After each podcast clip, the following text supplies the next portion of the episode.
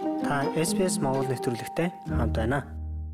Баруун Австралид сүүлийн 2 сарын хугацаанд ковидын тохиолдол ихссэн тул улсын эмнэлгүүдэд маск зүүх шаардлагыг сэргээж байна. Өнгөрсөн даваа гараг буюу 11-р сарын 20-оос эхлэн өндөр эрсдэлтэй эрүүл мэндийн байгууллагад маск зүүхийг ажилтнууд болон өвчтнүүдээс шаардах болно гэж мужийн ерхий сайд Рожер Кук мэдгдлээ. Үүнд хүнд өвчтнүүд үйлчлүүлж байгаа хэсэг болон эрчин тэмчилгээ, гематолог, онколог, эргэтэн шилжүүлэн суулгах, бөөрийн диализын тасаг зэрэгт энэ шаардлагыг тавих юм байна. Бид бие биенээ аюулгүй байлгахын тулд чадах бүхнээ хийх хэрэгтэй. Ялангуяа бидний хамгийн эмзэг хэсэгт гэж баасан гарагт тэрээр ярьжээ. Энэ бол COVID-19-ийн дархалтыг бууруулах, анхаарал тавих ёстой эмзэг хүмүүсийн аюулгүй байдлыг хангахад туслах энгийн алхам юм гэж ярьжээ. 9-р сарын ихэнх үеэс эхлэн ковидын тохиолдол нэмэгдэж байгааг баруун Австралийн эрүүл мэндийн газрын ахлах ажилтан доктор Энди Робертсон хэлсэн.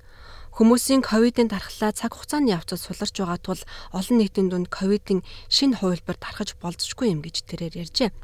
Ковидын халдвараас болж эмнэлэгт хэвтэх, эрүүл мэндийн ажилтнуудын өвчлөл нэмэгдэж байгааг харгалзан эрүүл мэндийн үйлчилгээ үзүүлэгчид энэ салбарт маск хэрэглэх талаар тогтмол зөвлөмж өгөхөөр болжээ. Мөн улсын эмнэлгийн бүх эмнэлзэн бүсэд ажилтнууд болон зочдод маск хэрэглэхийг зөвлөж байна. Робертсон хэлэхдээ хувийн эмнэлгүүд болон өндөр насны асрамжийн газрууд ажилтнууд болон зочдод амны хаалт зүүх журмыг сайжруулах талаар анхаарч үзэх хэрэгтэй гэлээ. Ковид бидний дунд байсан хэвээр байна. Тэгэхээр миний зөвлөгөө хэвээрээ. Хэрвээ та халдвар авсан бол гэртээ бай ханиад томоогийн шимж тэмдэг илэрвэл өндөр эрсдэлтэй газар тухайлбал өндөр насны асрамжийн газар болон эмнэлэг рүү битгий очоорой гэж тэр хэлсэн юм а. Робертсон олон нийт хөл хөдөлгөөн ихтэй бусдаас зай барих боломжгүй газарт маск зүүж ковидын вакцинд хамрагдах хэрэгтэй хэмээн мужийн ерхий сайд ярьсан байна.